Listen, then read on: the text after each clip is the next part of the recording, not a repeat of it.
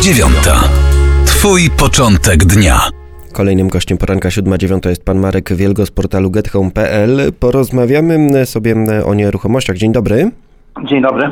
A konkretnie o cenach wynajmu. Jak pandemia, jak to wszystko, co się dzieje na ten rynek wpływa? No bez wątpienia, szczególnie w miastach akademickich, takich jak Kraków czy Warszawa, odpływ studentów z rynku najmu, czyli przejście na tryb zdalny, e, spowodowały no, znaczne perturbacje, to znaczy popyt na mieszkanie na wynajem jest mniejszy. Prawdopodobnie część mieszkań stoi pusta. No efektem jest oczywiście spadek czynszów. Szacuje się, przynajmniej tak wynika z danych e, E, taki Amronu, że w ubiegłym roku czynsze w Krakowie spadły średnio około 16%, a w Warszawie blisko 11%. W pozostałych miastach te spadki były, w tych największych miastach spadki były jednocyfrowe, rzędu 4-6%. Czy ten spadek czynszów może się też przerzucić i przełożyć na koszt nieruchomości, na ich wartość? No bo wiemy, że dużo osób po prostu zakup nieruchomości w mieście, w Warszawie na przykład, traktuje właśnie jako inwestycję mieszkania pod wynajem. Na razie nie widać takiego zjawiska. W dalszym ciągu utrzymuje się bardzo duży popyt na mieszkania. E, przypuszczalnie podaż oferowana przez deweloperów y, ciągle jest mniejsza od, od, od popytu. W związku z tym mieszkania są poszukiwane, nawet jeżeli jakiemuś e, właścicielowi, który, którego lokal stoi pusty, przyszedł do głowy pomysł sprzedaży, nie sądzę, żeby miał z tym większy problem, żeby to skutkowało obniżeniem cen. W dłuższej perspektywie być może, gdyby rzeczywiście e, podaż mieszkań na rynku wtórnym gwałtownie wzrosła, no właśnie chociażby wskutek wycofywania się z tego typu inwestycji, niewykluczone, że taki spadek cen moglibyśmy zaobserwować, ale na razie go nie widać. A czy to ten spadek cen wynajmu, który obserwujemy, o którym Pan powiedział, e, to jest coś, co będzie postępować? Czy załóżmy, że sytuacja z pandemią koronawirusa cały czas będzie no, niejasna, też zmiany w naszym życiu, chociażby wzrost znaczenia zdalnej edukacji, zwłaszcza na studiach, e, na pewno w jakimś stopniu zostanie e, czy właśnie e, ta tendencja e, będzie postępować, czy, czy gdzieś tam zostaną zamrożone te ceny, czy jak studenci wrócą do, e, do dużych miast, to te ceny z powrotem skoczą w górę? Trudno mi powiedzieć, czy, czy wzrosną, dlatego że cały czas podaż mieszkań na wynajem rośnie. Na rynek weszło kilku bardzo dużych graczy na rynku najmu instytucjonalnego. Potężne fundusze, które zapowiadają budowę dziesiątków tysięcy mieszkań na wynajem. W związku z tym e, ten wzrost czynszów no, może jest, jest dość chyba śmiałą tezą.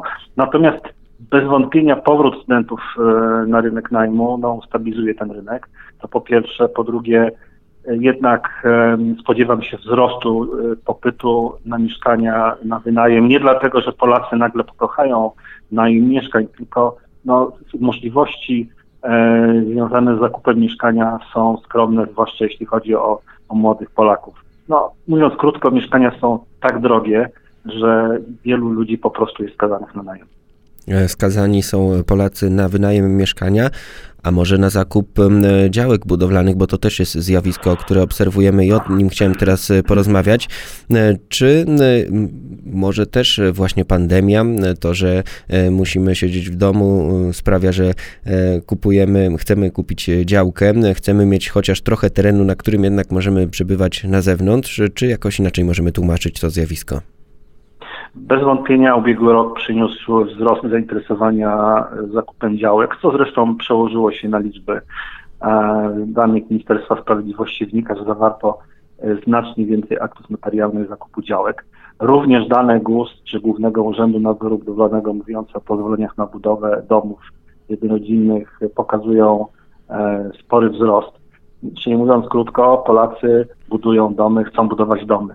Czy ma to związek z pandemią? Częściowo, na pewno tak. Natomiast e, no, niestety budowa domu, szczególnie w dużym mieście, wiąże się z potężnym wydatkiem. No, proszę sobie wyobrazić, że dzisiaj zakup działki, na w Warszawie, to jest wydatek no minimum 400 tysięcy złotych. Mówię oczywiście o działkach takich pod budowę domu wolnostojących, bo jednak w największych miastach dominuje budownictwo szeregowe, budowane są domy, segmenty, segmenty tak zwane, które nie wymagają tak dużych działek. Natomiast gdyby ktoś chciał sobie wybudować domek wolno stojący na takiej działce około 1000 metrów kwadratowych, to musiałby wydać około 400-500 tysięcy złotych. Mówię oczywiście o Warszawie. E, a to oznacza, że zarówno wartość e, tej kwoty można kupić, e, no oczywiście na obrzeżach miasta, tak podobnie jak ta działka za 400 tysięcy, całkiem spore mieszkanie trzypokojowe. Zresztą podobnie jest w innych dużych miastach. Działki są bardzo drogie.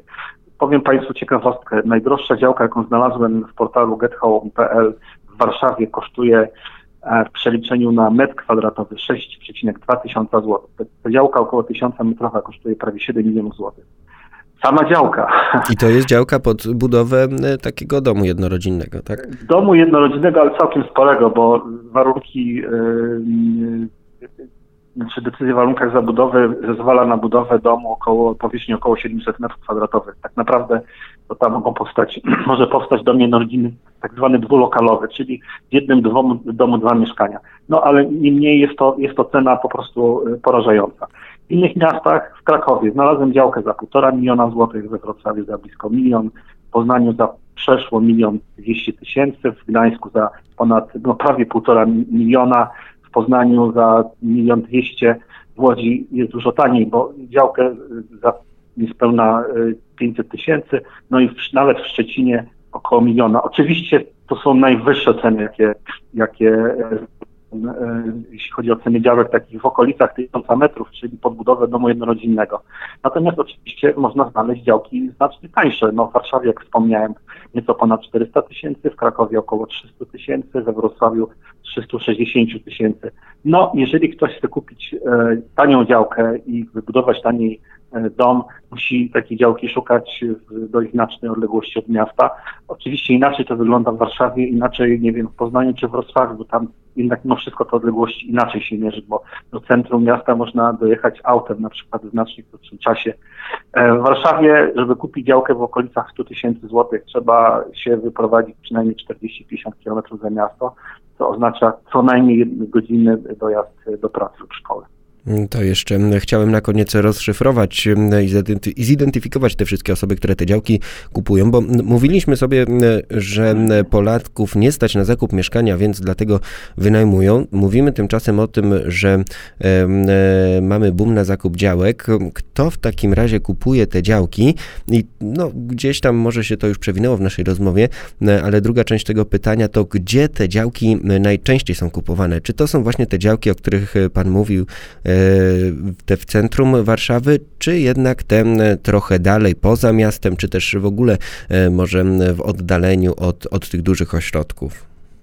E, szczerze mówiąc, nie potrafię precyzyjnie odpowiedzieć na takie pytanie. Na pewno, tak jak wspomniałem, inaczej to wygląda w takim Wrocławiu, czy na przykład Poznaniu, gdzie te odległości e, z terenów podmiejskich zmierzone czasem dojazdu do pracy są znacznie krótsze niż w takich aglomeracjach jak Warszawa czy Kraków bez wątpienia oczywiście te, tych mieszkań buduje się, czy domów jednorodzinnych buduje się w, raczej w rejonach y, tych aglomeracyjnych, podmiejskich, no bo tak jak wspomniałem, zresztą nie mam przed oczyma danych y, GUS, ale przypuszczalnie takich domów y, wolno stojących na przykład w Warszawie powstaje bardzo niewiele. Jeśli już to powstają segmenty lub zabudowa szeregowa, tego względu, o którym wspomniałem, czyli wtedy ta działka może być zdecydowanie mniejsza i ten, ten segment czy ten dom szeregowy może być nabyty w cenie dosłownie większego mieszkania. No oczywiście mówimy o, o, o obrzeżach miasta, a nie o, o dzielnicach śródmiejskich. Więc y, prawdopodobnie najprawdopodobniej to budownictwo jednorodzinne jednak e, rozkwita, tak to chyba można powiedzieć, e, w, w mniejszych miastach nazwijmy ją miastami powiatowymi. Ja myślę, że z dwóch powodów. Po pierwsze, oferta deweloperska jest tam bez porównania mniejsza, a po drugie, y, ten czas dojazdu z miejscowości oddalonej od, od miasta, nie wiem, o, o, o, o kilka kilometrów czy kilkanaście nie jest tak y, dotkliwa.